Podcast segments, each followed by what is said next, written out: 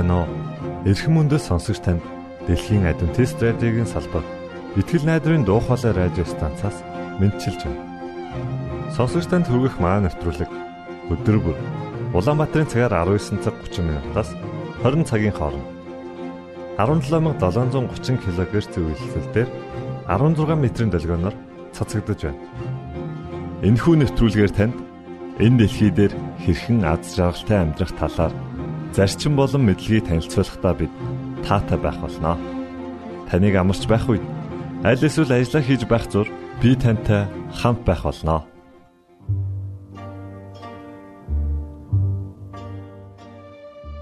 Өнөөдрийн хөтөлбөр боловсрал нэвтрүүлгийн түүхэн хүмүүс цувралаар эхлэх болно.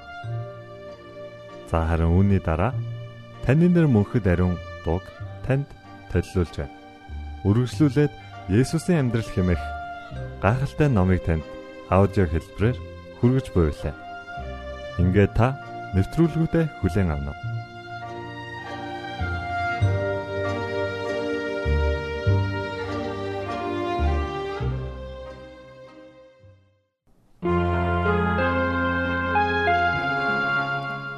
Ши Хуанди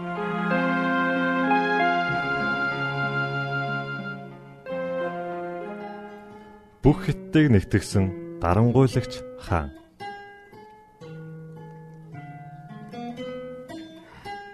Ши Хуанди бол Жуаншан захирагчийн хүү байв. Тухайн цаг үед хятад өөр хоорондоо тасралтгүй дайцсан олон жилиг олон жижиг улсуудад задарсан байсан бөгөөд тэдгээрээс баруун нутгийн чин улс хамгийн хүчрхгэн байсан. Ши Хуандыг гэр бүлийнх нь Жэнг гэж нэрлэдэг ажээ.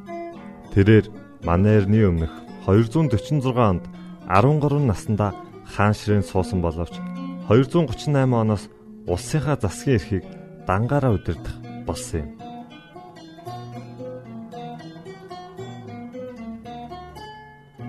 Манерны өмнөх 228-аас 21 оны хооронд тэрээр цус дайныг явуулж улсынхаа газар нутгийг тэлв. Мөн өнгөрсөн үеэсээ бүр мөсөн салахын тулд тэрээр Ши Хуанди буюу Европоор Цезар гэсэн үгтэй утга нэг нэрээр өөрийгөө өрөмжлөлөө. Ши Хуанди хаан ширээн суусан эхний үедээ л өөртөө бунхан бариулж эхэлсэн бөгөөд 1974 онд түүний бунхны ойролцоо шавар арим олцсон ажээ. Ши Хуанди олон шинжлэлийг удирдах явуулсан билээ. Тэрээр хиттийн эзэнт гүрнийг цэрэг захиргааны 36 бүс нутагт хувааж орон нутгийн удам дамжсан захирагчдын эрх бүхий хуучин ёсыг халсан юм. Үүний улмаас нэг мужийн захирагч хэдэн жилийн дараа өөр мужийн захирагч болон шилждэг байсан нь захирагчдыг тухайн газартаа хүчрхэгжин бэхжихээс сэргийлдэг байв. Тэрээр өршөөгдсөн язгууртнуудын гэр бүлийнхнийг өөрийн хараандаа байлгахын тулд бүгдийг нь нийслэл Шаньян руу нүх зарлиг буулгасан аж. Мөн улс даяар жин хэмжүүрэн нэгдсэн систем нэг мөнгөн тэмдэгт хууль бичиг үсгийн загварыг тогтоосон байна. Тэрээр бүс нутаг хоорондын худалдааны харилцааг хүртэл зохицуулсан байдаг.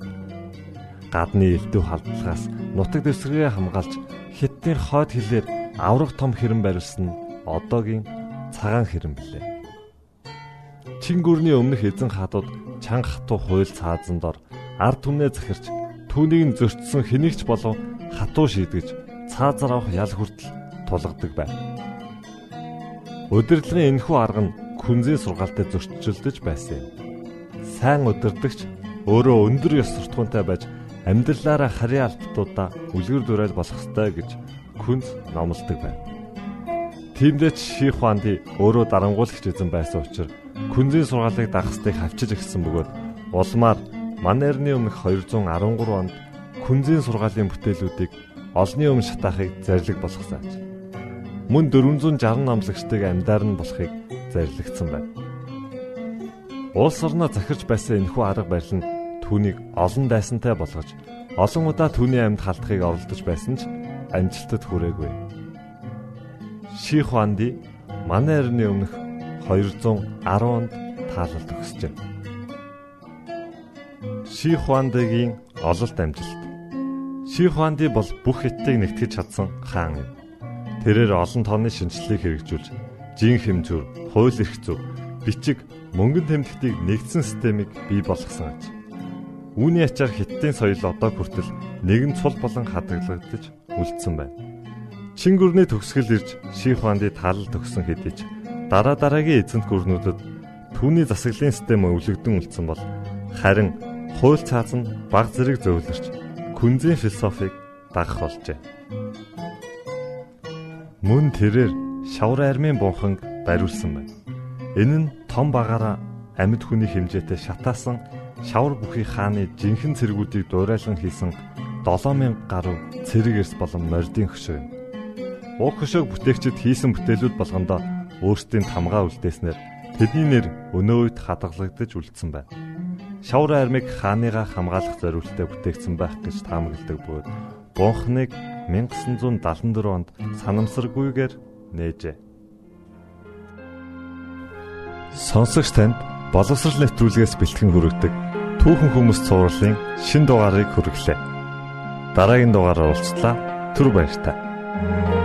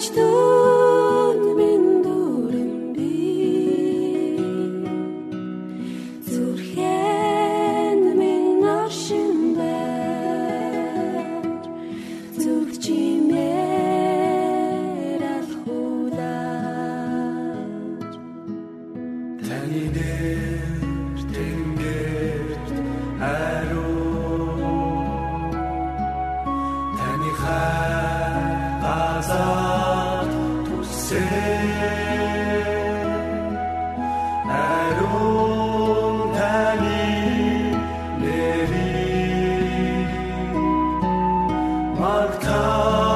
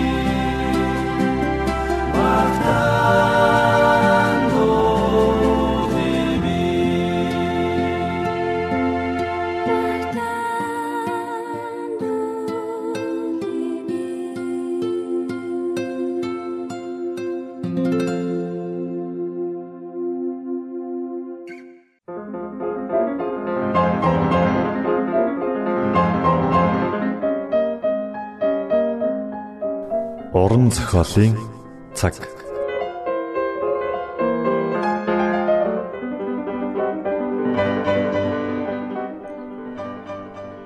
Йосеф Мари хоёр хүү Есүсээ хууль заасан ёсоор тахилчид авчирлаа.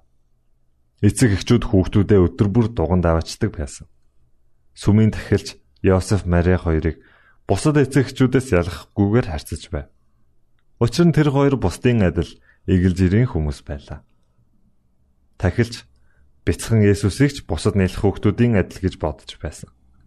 Тэрээр Тэнгэрийн хариун сүмийн тэргүүн тахилч бөгөөд энэ дэлхийн аварчийг тэрвэрч байгаагаа анзаараагүй. Хэрв тэр Бурхны үгийг дагаж байсан бол эзэн энэ бүхнийг заан сургаж хэнийг гар дээрээ өргөж байгааг нь мэдрүүлэх байв. Энэ үед Бурхны үнэн ч үйлчлэгчд болох Симеон Ана нар сүмд байлаа. Тэр хоёр бурханд өтөл болтлоо үйлчлээ ирсэн билээ. Бурхан бардам ихэмсэг хуваа хичээх цүмийн тахилчид үзүүлээгүй зүйлсээ тэр хоёр настанд харуулсан. Бурхан Симеонд энэ дэлхийн аврагчийг харах хүртэл чи нүд анихгүй гэж амласан гэжээ. Тэрээр Есүсийг харангуйта энэ бол амлагдсан нэгэн хэмээн таньжээ. Диважингийн зөөлөн гэрэл Есүсийн царайг гэрэлтүүлж байлаа. Симон хүүг тэрэн бурхан талархал өргөв. Тэрээр Эзэн та өөрийн үгийн дагуу боол намаагаа амар тайван явуултах бай. Учир нь миний нүд таны авралыг харлаа. Та үүнийг бүх ард түмний өмнө бэлдсэн билээ. Энэ нь үндэстэн илчлэлийн гэрэл таны ард түмэн болох Израилийн алдар нь болоо гэж хэлв. Анна бол иш үзүүлэгч эмэгтэй. Энэ мөчөд Анна хурч ирээд бурхан талархал өргөн Иерусалимын золилтыг хүлээж байсан бүхэнд түүний тухай үргэлжлүүлэн ирэв. Бурхан даруй төлөв хүмүүсийг өөрийн гэрч болгон сонгодог. Бурхан энэ дэлхийн хувьд агуу тооцогддог бүхнийг үл ойшоодог гэж. Учир нь тэд Бурханыг үл хүндэтгэн түүний үйлчлэлийн талаар боддгүй ягаад зөвхөн өөрсдийнхөө төлөө л үйлчилж өөрсдийгөө өргөмжилдэг. Иймээс Бурхан тэднийг өөрийн хайр өршөөлийн талаар бусдад хэлүүлэхээр сонгох боломжгүй болсон. Есүсийн эх Мария Симоны иш үзүүлэн зөгнснийг тунгаамдсаар байв. Мария бяцхан хүүгээ хараад Бэтлехемийн хончтын хэлсэн үгсийг санан баяр хөөр итгэл найдвараар дүүрсэн. Симеоны хэлсэн үгс иш үзүүлэгч Исаягийн зөгнөлийг Мариад сануулжээ. Эдгээр зөгнөлийн гайхалтай үгс Есүсийг зөгнөснийг ойлгов. Учир нь бидний төлөө хүүхэд төрж бидэнд хөө өгөгдөнө. Засаглал түүний мөрөн дээр байх болно. Түүний нэрийг гайхамшигт зөвлөгч хүчит бурхан мөнхийн эцэг инхийн жонон гэж дуудана. Мэргэдийн айлчлал Бурхан Христ энэ дэлхийд ирэх болно гэдгийг мэдүүлэхийг хүсэж байсан. Сүмийн тахилчид аврагчийн талаар хүмүүс заах ёстой байтал өөртөө энэ талаар мэдэхгүй байжээ. Тиймээс бурхан Тэнгэр элч нараа хончтод илгээж Христ мэндэлсэн мэдээг болон түүний хаанаас олж болохыг хэлж өгчээ. Есүсийн аав ээж нь хүүгээ сүмд аваачхад зарим хүмүүс Есүсийг аврагчаа хэмээн хүлээн авсан билээ. Бурхан Симеон болон Аннаг амлагдсан аврагч Месиа бол Есүс болохыг баяр хөөртэйгээр хуваалцаасаа хэмээн урт наслуулсан. Бурхан энэ дэлхийд Христ ирснийг еврейчүүд болон бусад хүмүүст мэдүүлэхийг хүссэн. Тиймээс Алс дорндод мэрэгэн хүмүүс аврагч Месаягийн талаарх иш үзүүлэлтийг судалжээ. Тэд аврагч удахгүй ирнэ гэдэгт итгэв. Гэтэл еврейчүүд эдгээр мэрэгдийг харин хүмүүс гэж үзсэн боловч мэрэгд хоромчтой шүтдэггүй хүмүүс байв. Мэрэгд бурхны хүслийг үлдэж үннийг мэдхийг хүсдэг шудраг хүмүүс байжээ. Бурхан хүний зүрх сэтгэлийг мэддэг. Тиймээс тэрээр эдгээр хүмүүст итгэж болно гэдгийг мэдэж байсан. Мэргэд хуваа хичээсэн бардам сүмийн тахилч нараас илүү тэнгэрийн гэрлийг хүлээн авах зүрх сэтгэлтэй байлаа. Мэргэд гүн ухаан судалдаг байв. Тэд байглаас Бурхны ур бүтээлийг судлан үзээд түүнийг хэрхэн хайрлаж хүндлэхийг суралцсан. Тэд шөнийн тэнгэрийн гайхамшигыг судлах туртай байсан. Тэд шинэ од олж харуул ямар нэгэн агуу үйл явдал болох гэж байна гэж боддог байжээ. Бэтлехемийн хончид Тэнгэрлэгч нар үзэгдсэн тэр шин мэрэгд Тэнгэр содон гэрэл гарахыг анзаарчээ. Энэ гэрэл Тэнгэрлэгч нарыг хүрээлдэг сүр жавхлангийн гэрэл байв. Энэхүү гэрэлд замхан алга болох үе Тэнгэрт нэгэн шин од бий болсныг мэрэгд харсан.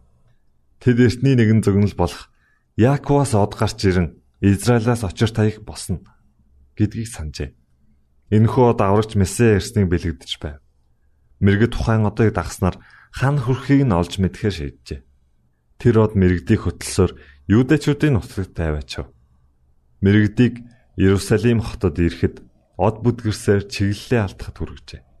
Уг нь еврейчүүд тэрхүү мэрэгдийг аврагч руу хөтлөн хүргэх хүчтэй байсан хэдий ч мэрэгд өөрсдөө Иерусалимд очиод еврейчүүдийн саяхан мэндэлсэн хаан хаан байна вэ? Бид түүний одыг дорн зүгт байхыг олж хараад хаанд хөнтгөл үзүүлэхээр ирлээ гэж асуув. Херод хаан болон бүх Иерусалимчууд үүнийг сонсоод бачимдаж гин. Тэгээд бүх ахлах тэхэлж болон хуулийн багш нарыг цуглуулад Христ хаанд хүрэх ёстойг лавлаж эхлэв. Тэгтэл тэд түнд Юудан Бэтлехемд учир нь иш үзүүлэгчийн бичснэр гэж хэлжээ. Херод хаан тэтмийг нь булаах шинэ хааны талаар сонсохыг хүссэнгүй. Ингээд Херод одыг хизээ анх харсан болохыг мэрэгдээс лавлан асуужээ. Хаан мэрэгдийг Бэтлехэм рүү илгээгээд "Яв, тэр хүүхдүүдийг сайтархаа. Түүнийг олмогцоо надад мэдэгдэх түн.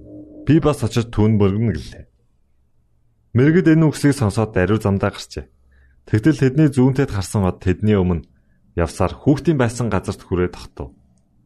Тэгээд гэрт орж их Мариагийн хамт байгаа хүүг хараад цөгдөн түүнд мөргөж Эрдэнсийн хайрцгаа нээгээд алт, гүгэл, мэрийг бэлэг болгон барив.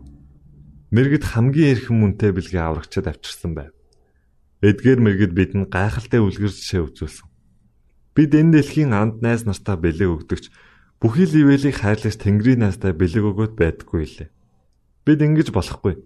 Бид Христэд шилдэг бүхнээ буюу цаг хугацаа, мөнгө, хайр инэрлээ бэлэг болгон өгөх учиртай. Херод хаан Есүст хүндэтгэл үзүүлэхийг хүсэж байна гэж худлаа хэлжээ. Угтаа бяцхан хүүг олоод устгахыг хүсэж байв. Херод хаан аврагч өсөж том болоод хаанчлыг нь булан авнахээс айж байлаа. Мэргэд Херод хааны хүснээр Есүсийн хаан байгааг мэддэхийг хүсэж байлаа. Гэтэл Тэнгэр эснэр мэрэгдийн зүүдэнд үзэгдэж өөр замаар буцахыг зөвлөжээ. Тэднийг явсны дараа эзний Тэнгэрлэгч Йосефийн зүүдэнд үзэгдэж "Бос Хүүхдүүдийг ихтэй нь авч Египт рүү зогт. Намайг чамд хил дуулахтал тэндэ бай. Учир нь Херод хүүхдүүдийг хөнөөхөр ирж хаах гэж байна гэжээ. Үүнийг сонссон даруйда Йосеф өглөө болохыг хүлээлгүй шууд замдаа гарахаар шийджээ. Ингээд Мария болон нэлхүүгээ аваад тэр шөндөө холын замд гарчээ. Мэргэд Есүст асруунтай бэлэг бэлгэлсэн аж.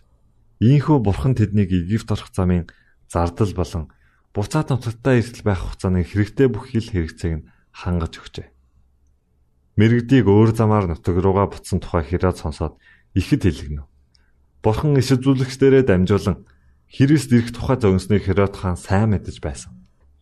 Тийм ч учраас Бурхан мэрэгдийг одоор замчлан ирүүлсэн юм. Херод хаан энэ бүхнийг мэдсээр байж Есүсийг устгахыг санаархсан. Уур хилэндээ автсан хаан Бэтлехэм болон түүний ойр орчимд хоёр болоод түүнээс доош насны эр хүүстэй бүх хүүхдийг хөнөөлөхөөр цэргүүдээ илгээсэн. Хүн бурхныг эсэргүүцэн тэмцэлтэн гэдэг үнэхээр хачирхалтай юм. Ямар ч гин буруугүй олон хүүхдийн амьд хүрнэ гэдэг ямар жигшүүртэй хэрэг байсан бол. Херод үүнээс өмнө олон бузар зүйл үйлдэж байсан. Тиймээс түүний бузармуу амьдрал удахгүй эцс болох нь дамжиггүй. Тэрээр жигшүүрт өглөөр амиа алдсан юм. Йосеф Мария хоёр Херод хааныг нас бартал Египтээс буцаж ирээгүй. Тэнгэрлэгч Йосеф дээр ирж бос хүүг ихийг нь хамт авч Израиль нутагт оч. Хүүхдийн амийг хайчаад өгсөн гэв.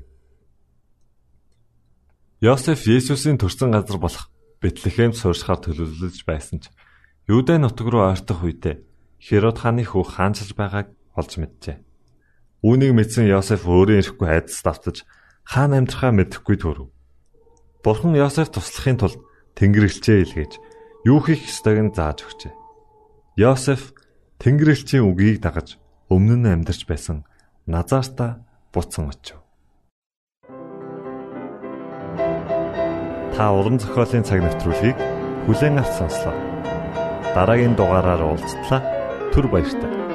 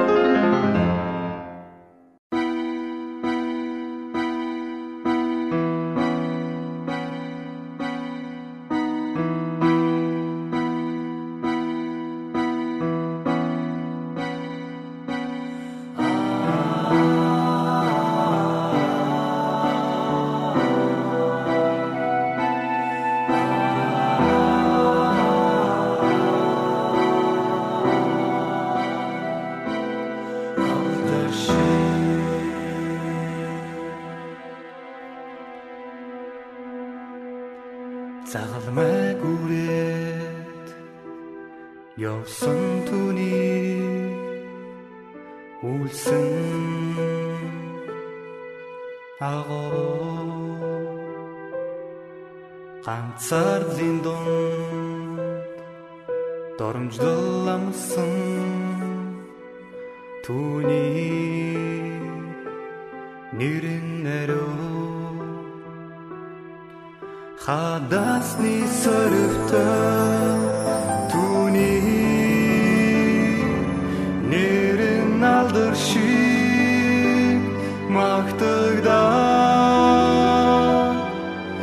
тэшүүрийн шарахтай эзэн алдар шиг